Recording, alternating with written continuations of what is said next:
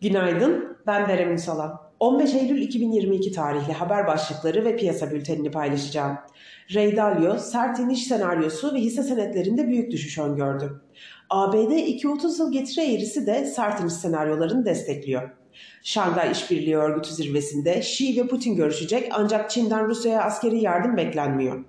Ermenistan-Azerbaycan çatışmaları şiddetlenirken Erdoğan Ermenistan'ı suçladı. Hisse senetleri piyasaları dipten alımlarla destek buluyor. Piyasalara genel olarak bakacak olursak, pay piyasalarında kısa vadede Borsa İstanbul'da dalgalı seyrin ve sektör olarak ayrışmanın devam etmesi beklenmektedir. Bankacılık endeksinde satış baskısının sürmesi öngörülürken güçlü kar beklentisi olan ve değerleme olarak potansiyeli bulunan sanayi hisselerinde pozitif ayrışma devam edebilir. Bugün yurt içinde Ağustos bütçe verileri ve yurt dışında ABD'de açıklanacak veriler takip edilecek.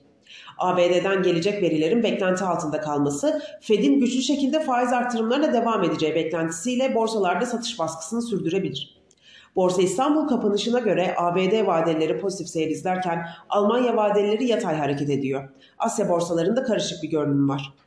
Teknik analiz verilerine bakacak olursak kısa vadede 3223 ve altına düşüşlerde yeni alım fırsatı, 3544 ve üzerine tepki yükselişi ise satış fırsatı olarak takip edilebilir.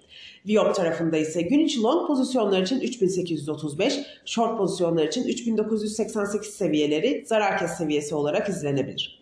Borsa İstanbul'un endeks kontratının güne düşüşle başlamasını bekliyoruz. Kazançlı günler dileriz.